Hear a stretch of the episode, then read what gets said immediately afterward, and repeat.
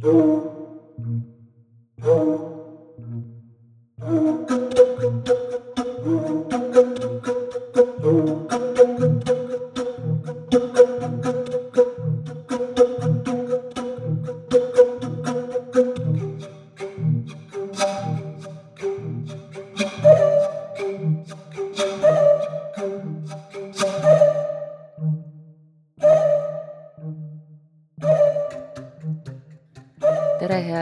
Külmaväristajad ja kikimooride sõbrad, mina olen Taki.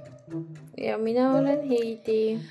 me oleme jõudnud äh, Taki sünnipäevanädalasse ja ma ei kõla üldse entusiastlikult, sellepärast et ma lagunen kõikjalt ma olen katki ja lagunen, mul õnnestus eile selg ära tõmmata niimoodi, et äh, kuna meil töö juures on äh, minu parkimiskoht on nii lolli koha peal, et ma ei suuda sinna parkida normaalselt, siis ma parkisin nii seina lähedale, et ma lihtsalt pidin väänama ennast autosse sisse, autost välja. ja kuna mul on ka räige igemepõletik, siis ma olin äh, valuvaigist laksu all ja ma ei tundnud enne kui õhtul kodus, et ma olin nagu räigelt liiga teinud endale ja lihtsalt nagu täna hommikul laps pidi aitama mul saapaid jalga panna ja siis see kõik on nagu oh. nii et äh, mul on valus rääkida, mul on valus istuda, mul on valus lamada, mul on valus seista. kõik on valus. sul ei ole valus, ma loodan.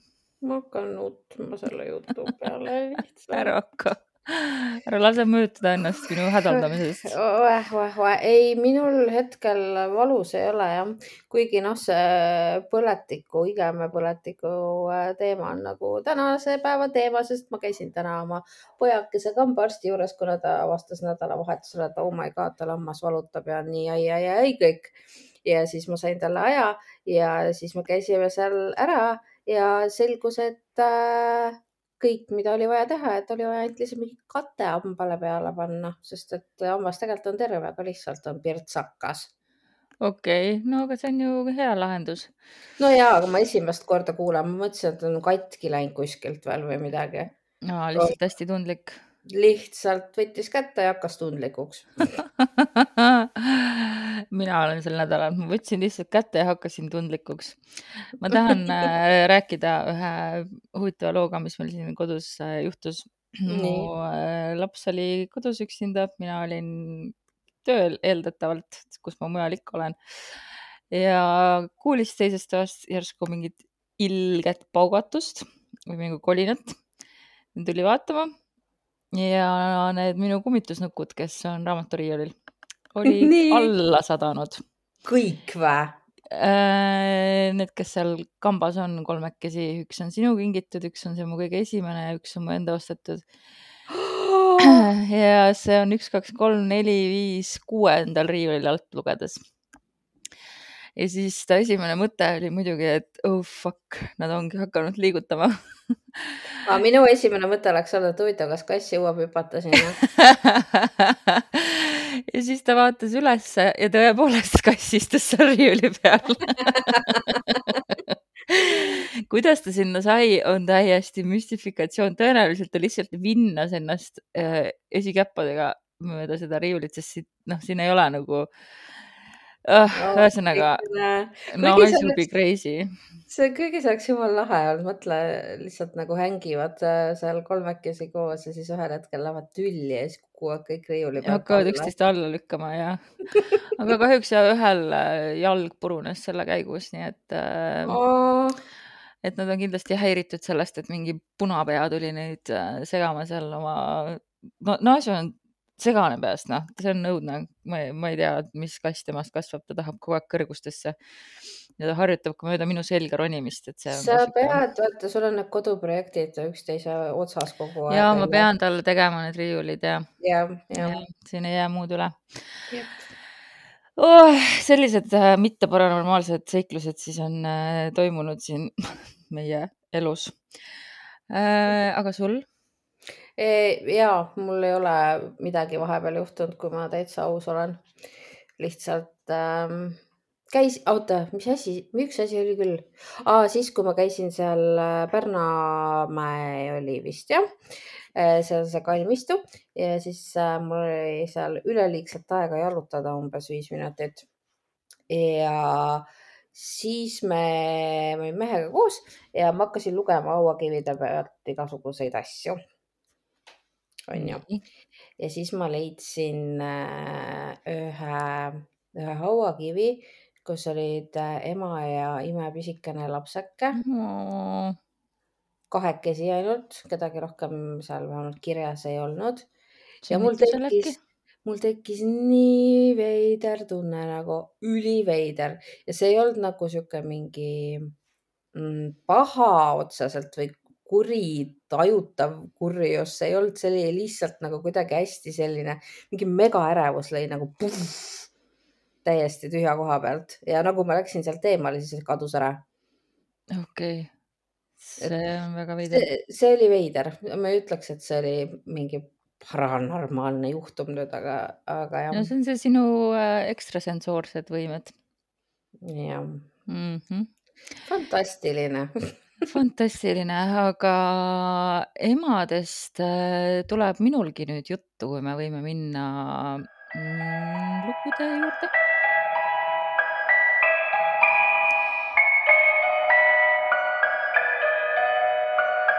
Ma viin teid aastasse tuhat üheksasada kolmkümmend viis ja Virumaale äh, Paasvere valda, kus siis septembrikuus, äh, kuusteist september oli äh, esmaspäev ja seal pandi toime veretöö, mida nimetati siis toona saja üheks metsikumaks. aga mul on tunne, et me oleme väga palju seda tiitlit juba kasutanud erinevate veretööde puhul, et üks kõige metsikum selle loo teeb huvitavaks ka tõsiasi, et mul on ka selle mõrtsuka pilt ja mm., ja see kodumaja.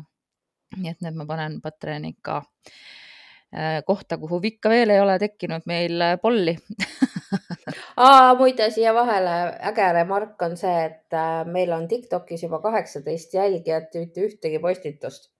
issand, me peame tegema Tiktoki ka ju. mina vist ei jälgi meid veel me peame, võtame Teeme. selle palun plaani. ja, ja.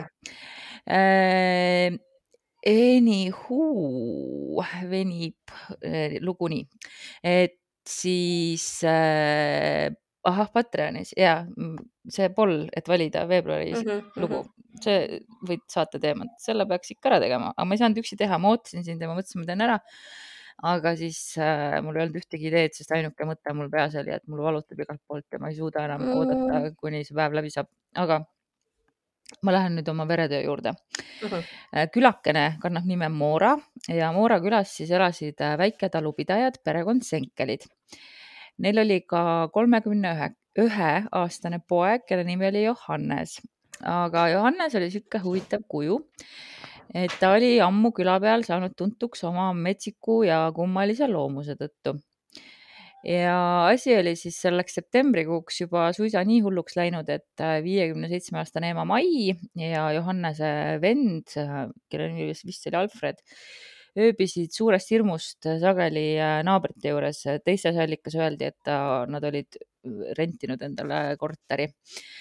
ühesõnaga, nad olid sunnitud kodutalust lahkuma ja jätsid selle siis sellele Johannesele aga see Johannes siis äh, enne, kui me selle septembrikuune, kuuni jõuame, enne oli ta, mõned aastad enne seda siis oli ta tuntud äh, väga harda palvevennana, kes äh, isegi elas metsaonnis erakuna ja kuulutas ennast pühakuks ehm, ta hiljem siis väga kaua ta seal metsaonnis vastu ei pidanud, aga siis sel ajal, kui ta seal metsaonnis oli, et, et siis ta nagu teiste nende koduküla palvevendade ja usklike ringkondadega käis äh, läbi ja langes siis sellisesse usujoovastusse.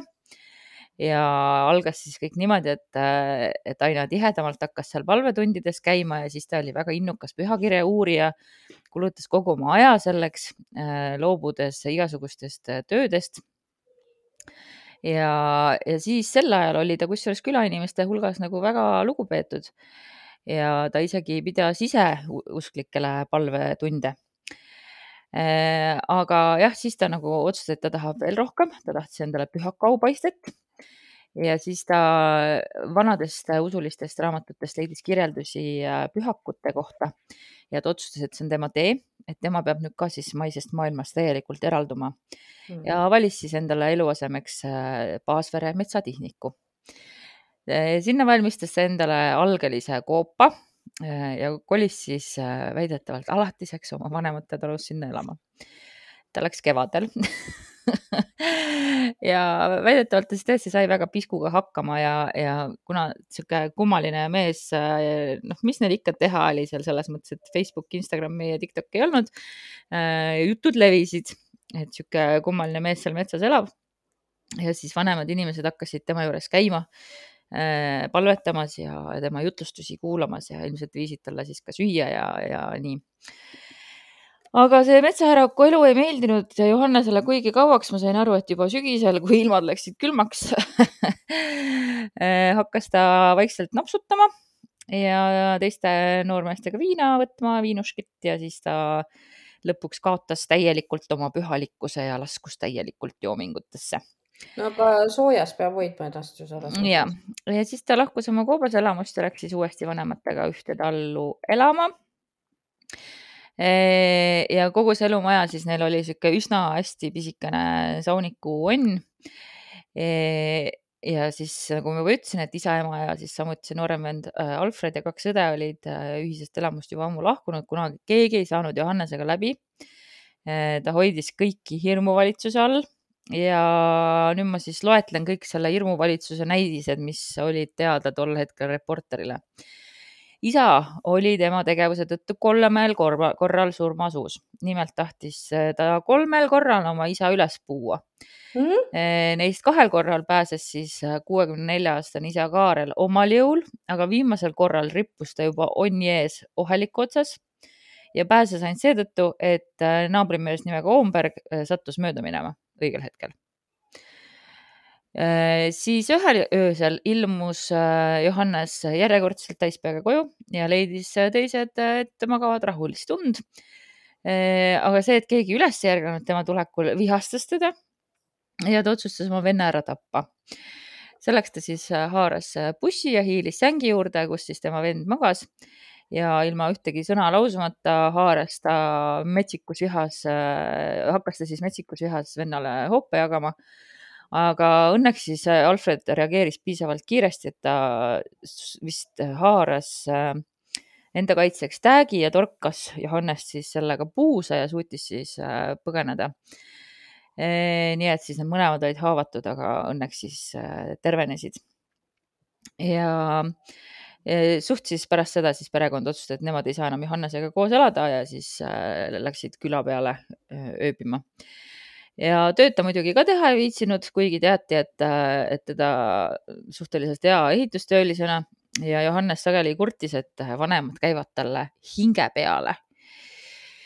ja siis äh, sellel septembril siis äh, juhtus nõnda septembrikuu päeval, et Äh, pühapäeva õhtul kõigepealt oli siis äh, Johannes läinud juba varakult kodust välja ja vanemad olid suht kindlad, et nüüd ta küll selge peaga koju tagasi ei tule.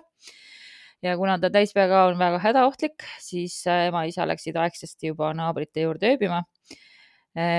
Laekveres oli siis olnud piduõhtu ja tavalisel kombel siis ta võttis seal viinuskit ja tuli hilisöösel koju. ja hommikul kella kaheksa ajal tuli siis ka ema tallu, et kanu sööta ja mitu versiooni on sellest, mis äh, juhtus. Äh, esimese versiooni kohaselt toimusid siis sündmused koduhoovil nõnda. Äh, kui kanadele toit oli ette antud, läks ema kambrisse vaatama, kas poeg on juba koju tulnud. kui ta uksest sisse astus ja jõudis vaevalt siis poega teretada, haaras see püssi ja sihtis ema pihta. ja haavlilaeng tungis siis emale rindu ja tekitas surmavaid haavu ema kukkus raskesti haavatuna ukselt kambri põrandale mm, ja üks äh, lask siis purustas veel ema käe ja pärast seda lahkus siis Johannes kodust ja jättis siis haavatud ema põrandale lamama. Äh, ma lähen siis... närvi, oi ma lähen närvi mm. -hmm. kell üheksa ajal hommikul siis ilmus Johannes äh, Paasvere rajooni konstaabli juurde, rääkis kõik nagu avameelselt ära ja ütles, et ta oli oma ema kahe lasuga maha lasknud. seal ta paigutati siis valla arestikambrisse. konstaabel teatas sündmusest Simuna jaoskonna arstile, sest et neil oli veel lootus, et äkki annab seal midagi päästa. et äkki seda Mais enkelit kuidagi veel annab turgutada aga kui konstaabel ja arst kambrisse jõudsid, siis nad said aru, et, et Mais Enkel, kes lamas vereloigus, et vaevalt seal enam mingeid elumärke oli. Ja arst tegigi kindlaks, et jah, et seal päästmiseks pole enam midagi teha ja ema siis heitis hinge arsti ja konstaabli juuresolekul. aga seal eeldatavalt oli ikkagi midagi jõudnud öelda juhtunu kohta. Mm, kriminaalpolitseinikud tulid kohale Rakverest järgmisel päeval ja tegid siis äh, kindlaks mitmeid uusi asjaolusid ja näiteks selle. siin on nüüd hästi suur päästikuhoiatus äh, kõikidele. Äh, kui tahate, siis kerige viisteist sekundit edasi. kriminaalpolitseinikud tegid kindlaks, et Roimar oli joobnud peaga. Laekvere peolt koju jõudes kõigepealt jalahoobiga tapnud kassipoja ja seejärel lõpetas püssiga ema kassi elu ka Äh, ja siis said kriminaalpoli-, äh, need äh, kriminaalametnikud said ka aru, et see esimene versioon ei pidanud vett juhtunust. Tegelikult oli siis asjalugu olnud hoopis nõnda, et kui külast õuele tuli ema, siis poeg oli tegelikult ka õues ja, ja see Johannes sihtis juba õues olles ema poole ja pärast seda lohistas siis raskesti haavatud ema kambrisse ja asetas ta põrandale Äh, ja siis selgus ka, et sel ajal, kui siis äh, Johannes sealt Laekvere pealt tuli koos abivallavanema Sepaga, oli ta veel igati heas tujus. Äh, aga enne, kui ta siis koju jõudis, oli ta käinud mingi naabertalu aias õunavargil, jäi seal vahele ja siis perenaine õiendas temaga, mille peale siis Johannes lubas, et ta tapab kogu naissoo maha. mis asja, noh ja siis pärast seda, kui ta oli Roima korda saatnud, avas ta akna, et hingata värsket õhku ja möödus siis samal ajal Oombergi proua, naabri proua ja hüüdis äh, talle siis neetud naised, ma lasin oma ema maha, tuled röösti teda. ja muidugi siis äh, Oomberg, proua Oomberg ei julgenud kambrisse minna, oli kuulnud ju püssipauke ja aimas halba mm,. Loviisa Oomberg oli ta nimi, Loviisa on ilus nimi ühe, üks versioon siis ütleb, et see loviisake põgenes suures hirmus metsa, teine versioon ütles, et kuna ta saatis oma last kooli, et siis ta ikkagi kõndis lapsega nagu edasi mööda seda külateed. Äh, aga igal juhul see Loviisa siis nägi Senkerit temast möödumas ja konstaabli poole sammumas.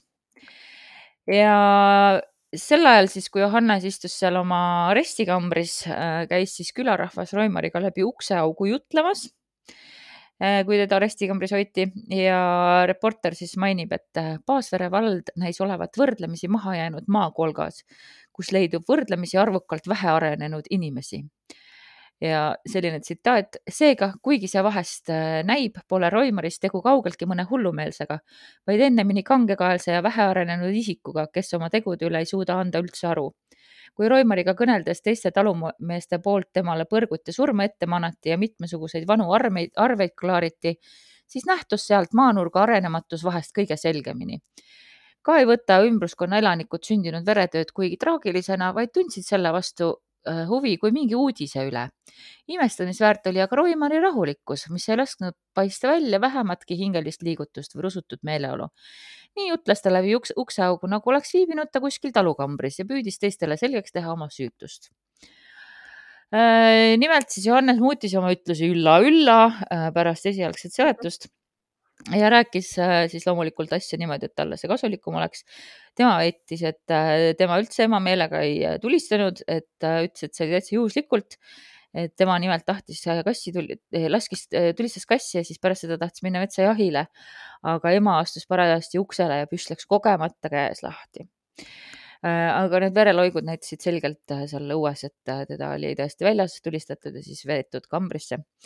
ja kui Roimarilt küsiti, et kas sellest kurvast juhusest ka kahju on, siis ütlesid, et mis kahju sest ikka on ja karistuse kohta arvestas, et noh, küllap ta varsti tagasi tuleb, et ema laskmine sündis ju kogemata.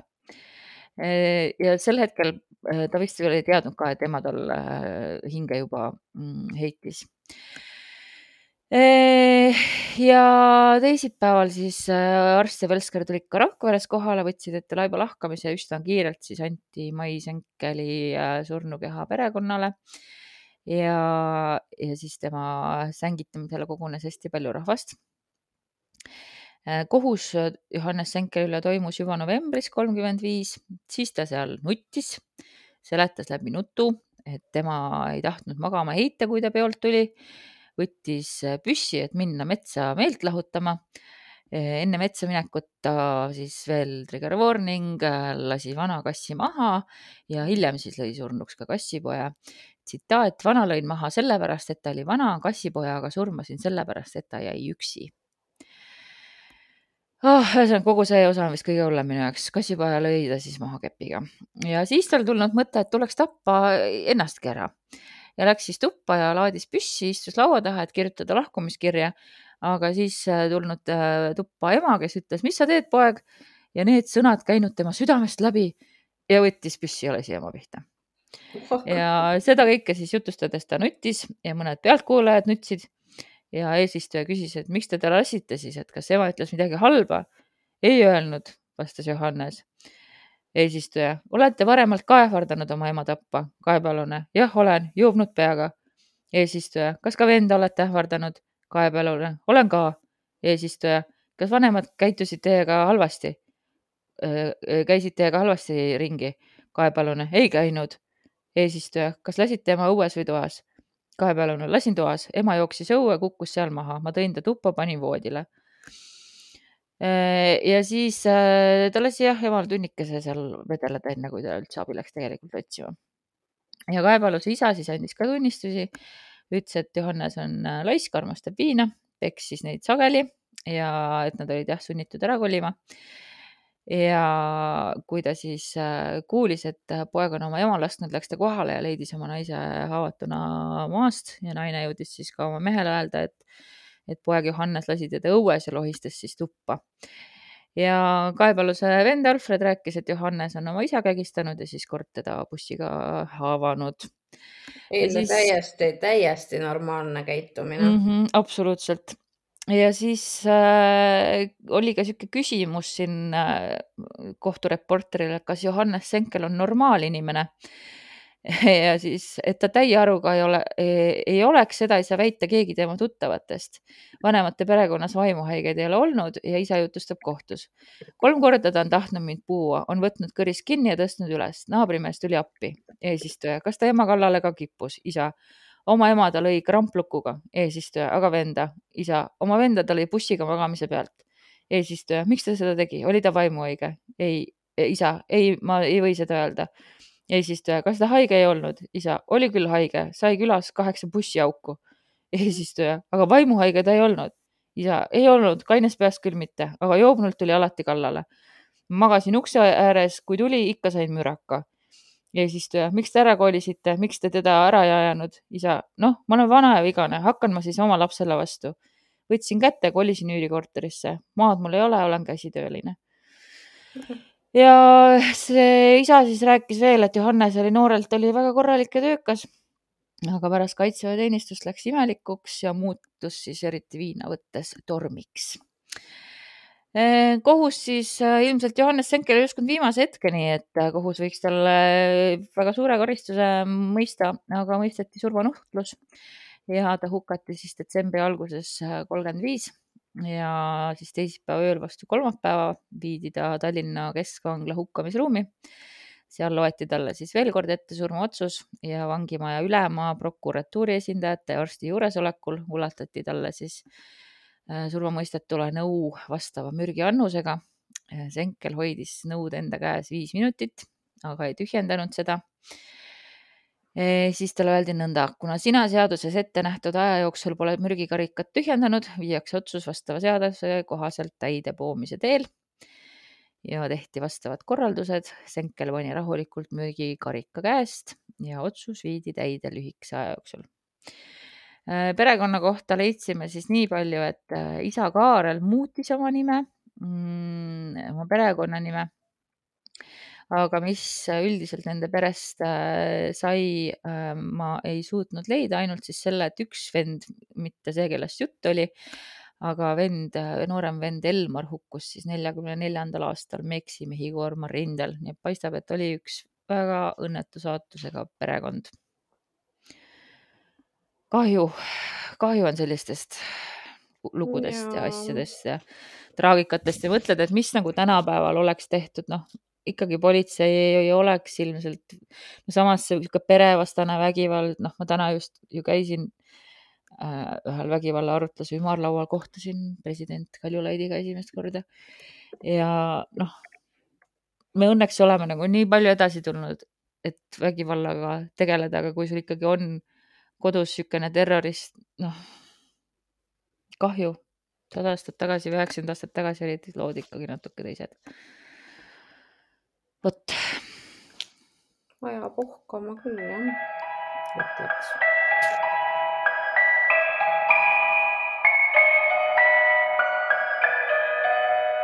nii, aga, aga kui, kuna me rääkisime, kuna sina rääkisid emast mm. -hmm siis ma, ma teen niisuguse kannaka ja võtan täiesti plaaniväliselt ka ühe vägagi emase loo. emase loo, okei okay.. emase loo. ja see lugu tuleb siis, äh, see on Itaalias juhtunud lugu. ja räägib ta doktor Samona perest. ja juhtus kõik siis tuhande üheksasaja kümnendal aastal, viieteistkümnendal märtsil, kui siis äh, doktor Samona armastatud viieaastane tütar Aleksandriine jäi ajukelme põletikku. oih mm. -hmm. ja proua Samona kurbus oli nii suur, et ta oli peaaegu mõistust kaotamas ja kuna see tüdruk, tüdruk suri, siis äh, kolm päeva pärast seda lapse surma nägi ema siis enda last unes ja Aleksandriine ütles äh, emale unes, et ema, ära nuta enam, mina ei ole sind maha jätnud, ma ainult eemaldusin sinust, ma tulen tagasi väiksena. sinul tuleb minu pärast uuesti kannatada. okei okay.. mis on nagu veits natuke creepy sõna mm. -hmm. Siis äh, kolm päeva hiljem äh, nägi see proua uuesti täpselt sama unenägu. Ja ta rääkis äh, siis sellest oma sõbrannale. Ja sõbranna katsus teda lohutada ja pakkus siis omalt poolt välja sellele unenäole niisuguse võimaliku selgituse. E, ja tema arvas siis, et proua Samona võib oma lapse uuesti sünnitada.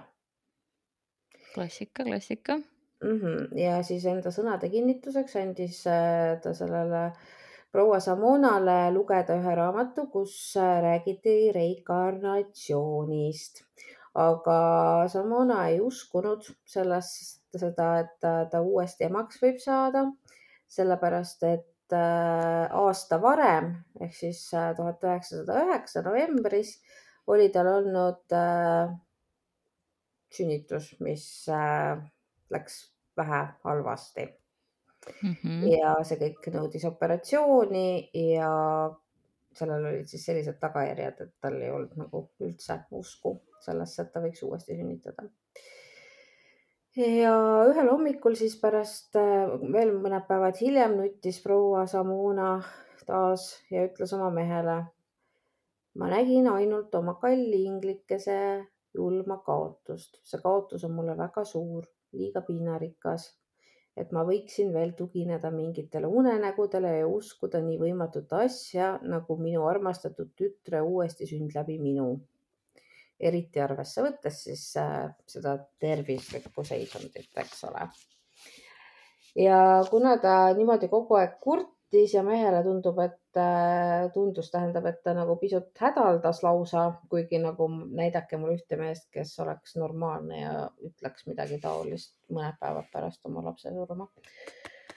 Äh, aga mees siis üritas naist rahustada ja äkitselt kuulsid mõlemad, äh, kuidas vastu toaust tuli kolm tugevat lööki. mõlemad ehmatasid, mõtlesid, et kas keegi koputas, keegi tahab sisse tulla. ja seda koputamist kuulsid siis ka doktori kolm väikest poega, kes siis nendega koos seal toas viibisid. ja nad arvasid, et see on doktori õde, kes neid iga hommik külastas. Läksid ukse juurde, tegid ukse lahti, hõikasid, et tädi, tule sisse. aga tuli välja, et seal ukse taga ei olnudki mitte kedagi.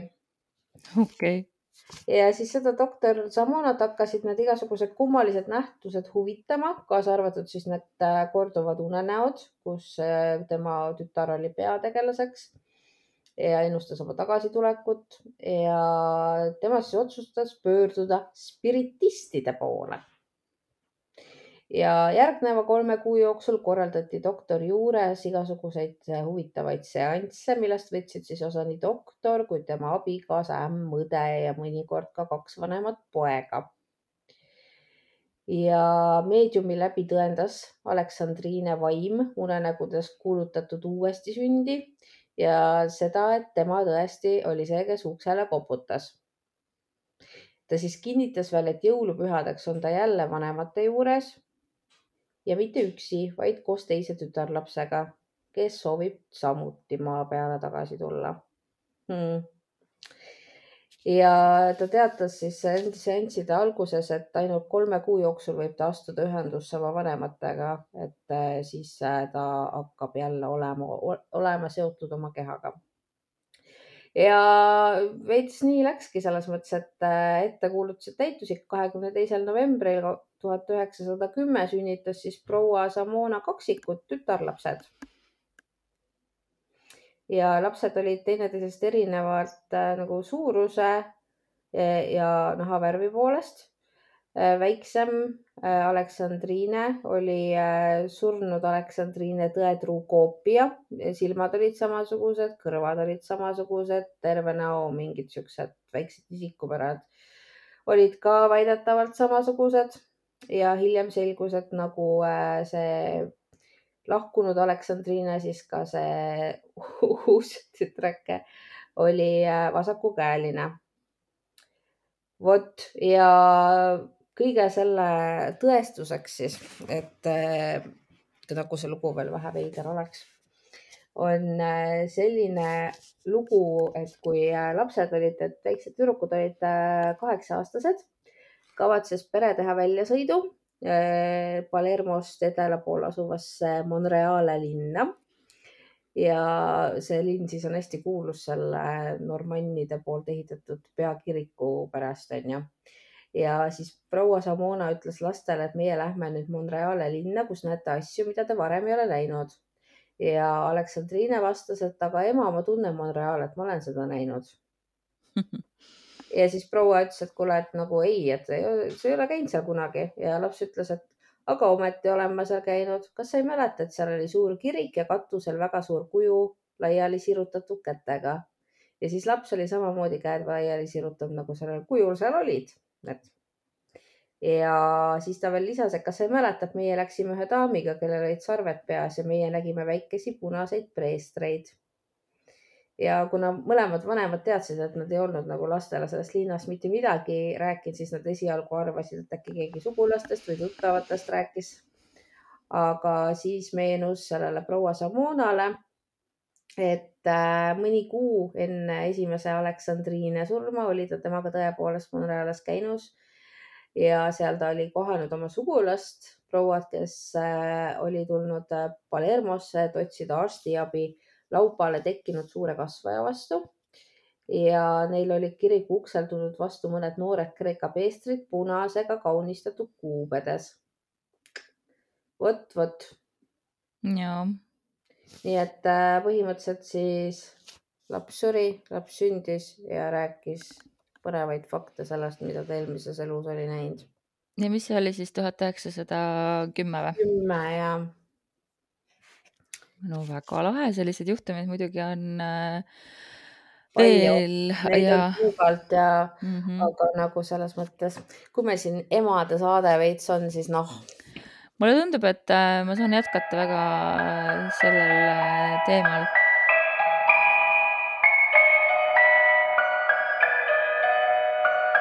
aga enne kui ma saan siit edasi minna ühe enda lookesega veel, mis võib-olla väga hästi sõlmib kokku selle saate põhisaate osa, sest et saat, saates on meil veel niisugune üllatusosa Patreonidele, kes saavad kuulda siis äh, lisalugusid mm,. äkki ongi õige aeg öelda aitäh meie Patreonidele, sellepärast et kõik, kes te olete seal patreonid.com kaldkriips kikimoorid meie toetajad, te aitate väga palju kaasa sellele, et, et see saade sünniks nii, nagu ta sünnib ja, ja nii tihti, nagu ta sünnib. et, et me tõesti väga-väga täname. Äh, aitäh sulle, Sigrid. aitäh, Diana. aitäh, Anni. aitäh, Shirley. aitäh, Merle. aitäh, Kerli. aitäh, Kristiina. aitäh, Sigrid. aitäh, Grete aitäh, Jaanika. aitäh, Maarja. ja aitäh, Risto. aitäh, Külli. oo, ja siis meil on äh, tänada siin salapärane K. ja siis meil tänada veel Ester. ja aitäh Kirkele ka. aitäh, Marge. ja aitäh, Margit. aitäh, Dagmar O. ja aitäh, Marielle. aitäh, Annika. aitäh, Ülo. aitäh, Karita ja aitäh, Erika Edlin. aitäh, Jörgen. aitäh, Reet Päron. aitäh, Riina. Aitäh, Mäger oh,. kui null. üliarmas. aitäh, Kati. aitäh, Liisa Margareeta. aitäh, Kelly. aitäh, Null and Void aitäh, Endre. aitäh, Kristel. aitäh, Hardi. aitäh, Indrek aitäh, Laura Aleksandre. ja aitäh, Triin. Aitäh teile kõigile, te olete fucking imelised ja väga-väga loodame nüüd sellele, et Patreon saadab teile mm, vipp külmaristajatele nende järjekordse merch'i, siin on natukese venima jäänud mingil põhjusel, aga loodetavasti see juhtub äh, nüüd õige pea. Ja me siit läheme järgmiste lugude juurde.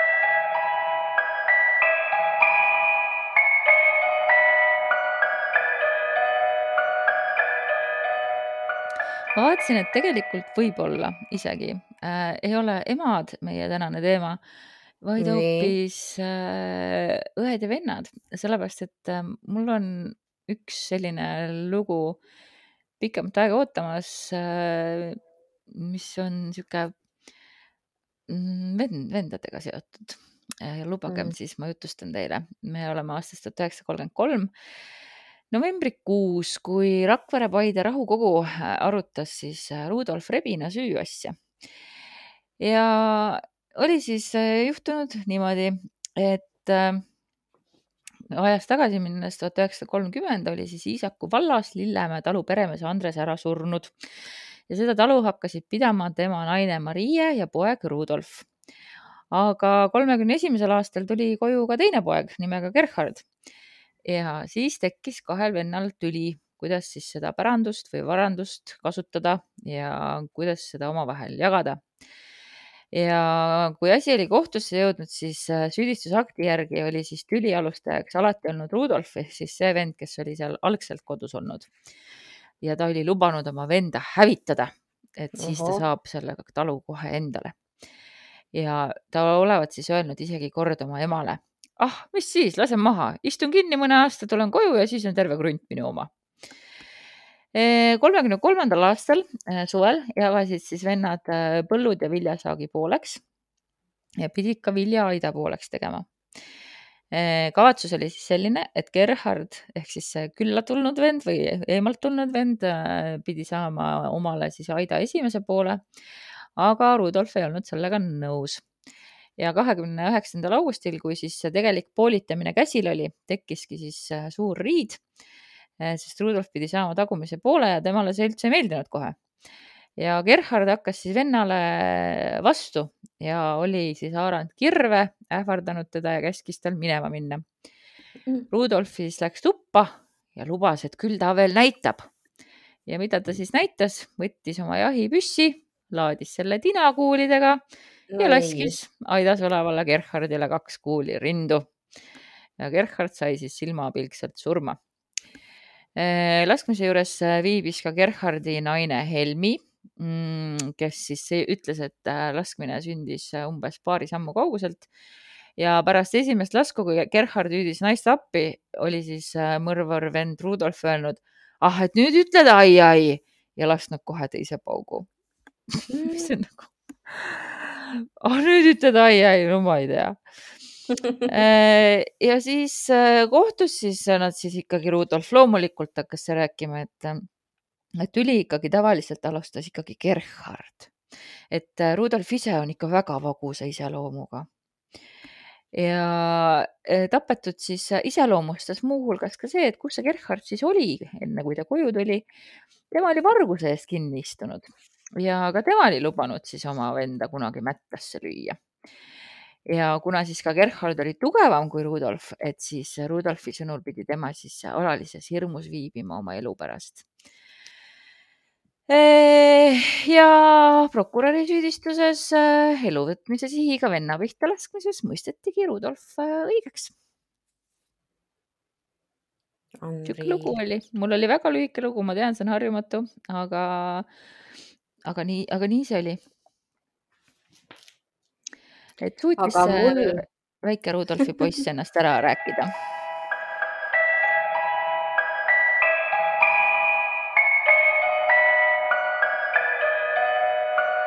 Kusjuures äh, mul on veel lühem lugu super, ma arvan, et see sobib siia saate lõppu ideaalselt.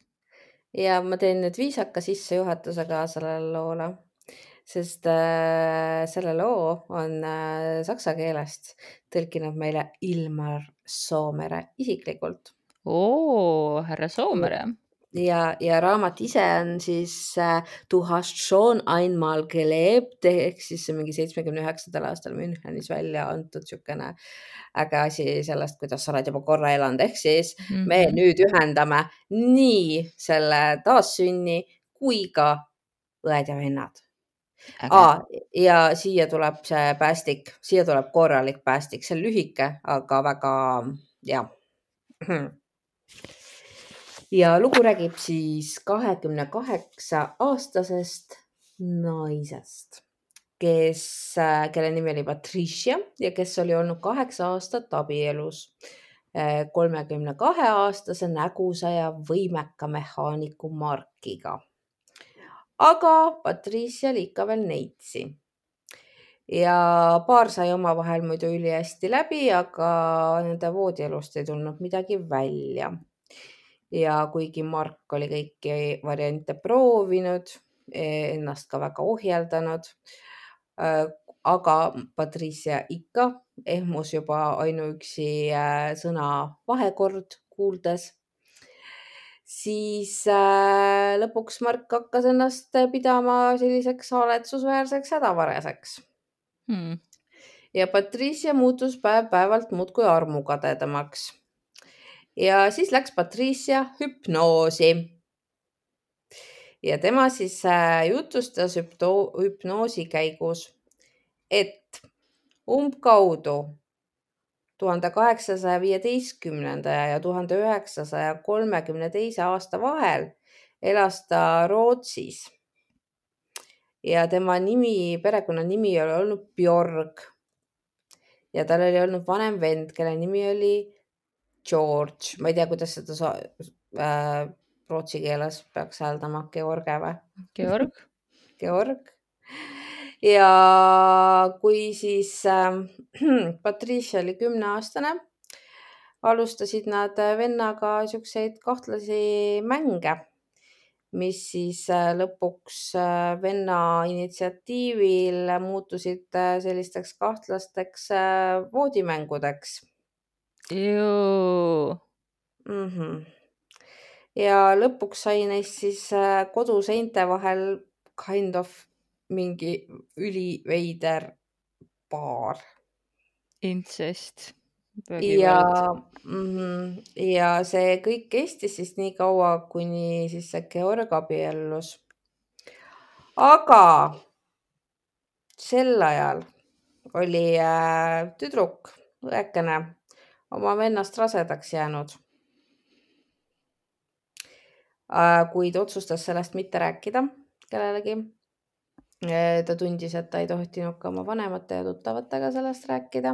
no täitsa tavaline väärkoheldud inimeste puhul, laste puhul mm. -hmm. jep ja kuna ta ei näinud olukorrast mingit väljapääsu, siis kukutas ta ennast kuristikku. noh, jumala vaene laps. Jep, et äh, selline üsna tiip ja valus ja nõme hüpnoosiseanss oli siis tal, et tõenäoliselt siis arvati, et see võib olla üks põhjus, miks miks ta uues elus kuidagi ennast ei taha kellelegi füüsiliselt lubada. okei okay., ma äh, tulen korra tagasi oma eelmise loo juurde, siis ma unustasin äh, ühe rea lugemata, mis oli ka tähtis rida et see, et see Rebina ikkagi äh, läks viieks aastaks sunnitööle ka. et ta oh. ise tunnistas ennast süüdi laskmises ägedas ja ärritatud meeleolus aga, äh, aga jah, et, et see eluvõtmise sihiga, et seal siis mõisteti ta õigeks, nii et viis aastat ta ikkagi istus, aga jäljed kaovad. lapsi tal ei olnud, Gerhardil seest oli väga palju lapsi, nii et äh, et niimoodi siis ühed kolmekümnendates vennad tegutsesid kolmekümnendatel. aga selline huvitav äh, koogel-moogel tuli meil täna saateks kokku ja kes teab, see teab, jääda natuke kauemaks kuulama. ja meie kohtume juba järgmisel korral, ootame ikka teie kirju kikimoorid.gmail.com. või siis Instasse või siis Facebooki. jah, kui keegi veel on nii vanamaaeline, et Facebookis on või siis äh, Tiktoki. või siis Tiktoki jah ja mis siis ikka, seniks püsige kõhedad.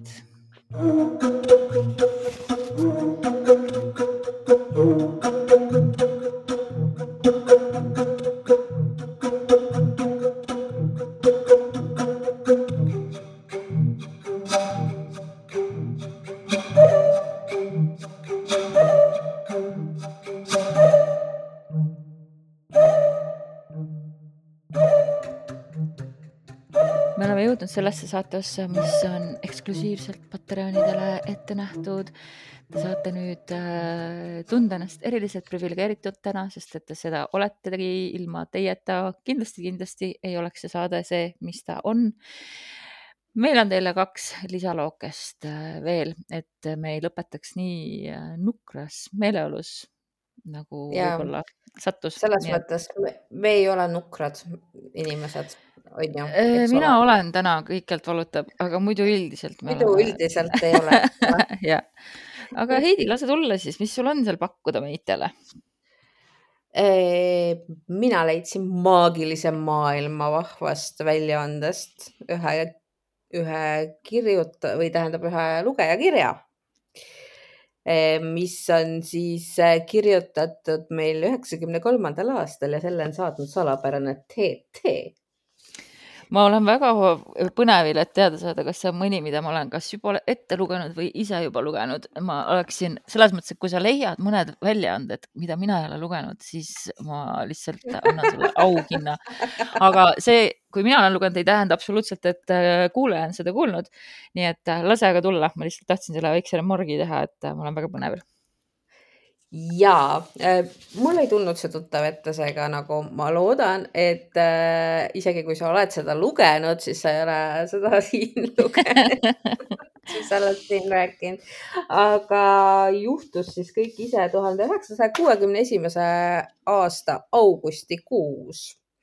Ja taevas äh, oli ilus, selge ja säras üks suur täiskuu ja Teete kirjutab siis, et äh, töötasin meditsiiniõena Väike-Mõisa lastekodus. õhtuti, kui lapsed juba magasid, istusime veidi neljakesi, neli rühma õde ja jutuks oli kõik muu kui tondid ja vaimud. olin sel ajal ka väga julge ega tundnud kunagi hirmu. ma tahaks ka sihuke olla kuidas oli paranormaalsusest huvitatud, aga see oli arg. pisut arg jah pisut arg mm.. Mhm. Läksin oma rühma ja seadsin end pikali madratsile ahju ette. lapsed magasid, magada me ei tohtinud, meid kontrolliti öösiti. me polnud veel suikunud, kui äkki nägin, et uks, mis viis rõdule, avaneb. kuu paistab sellest sisse. uksest siseneb mees, oh-oh, seljas tume kaherealine ülikond, laiad mansetiga püksid jalas. Tal olid üle pea kammitud juuksed. väga imelik. sel ajal olid meeste püksid teistmoodi ja ka juuksed.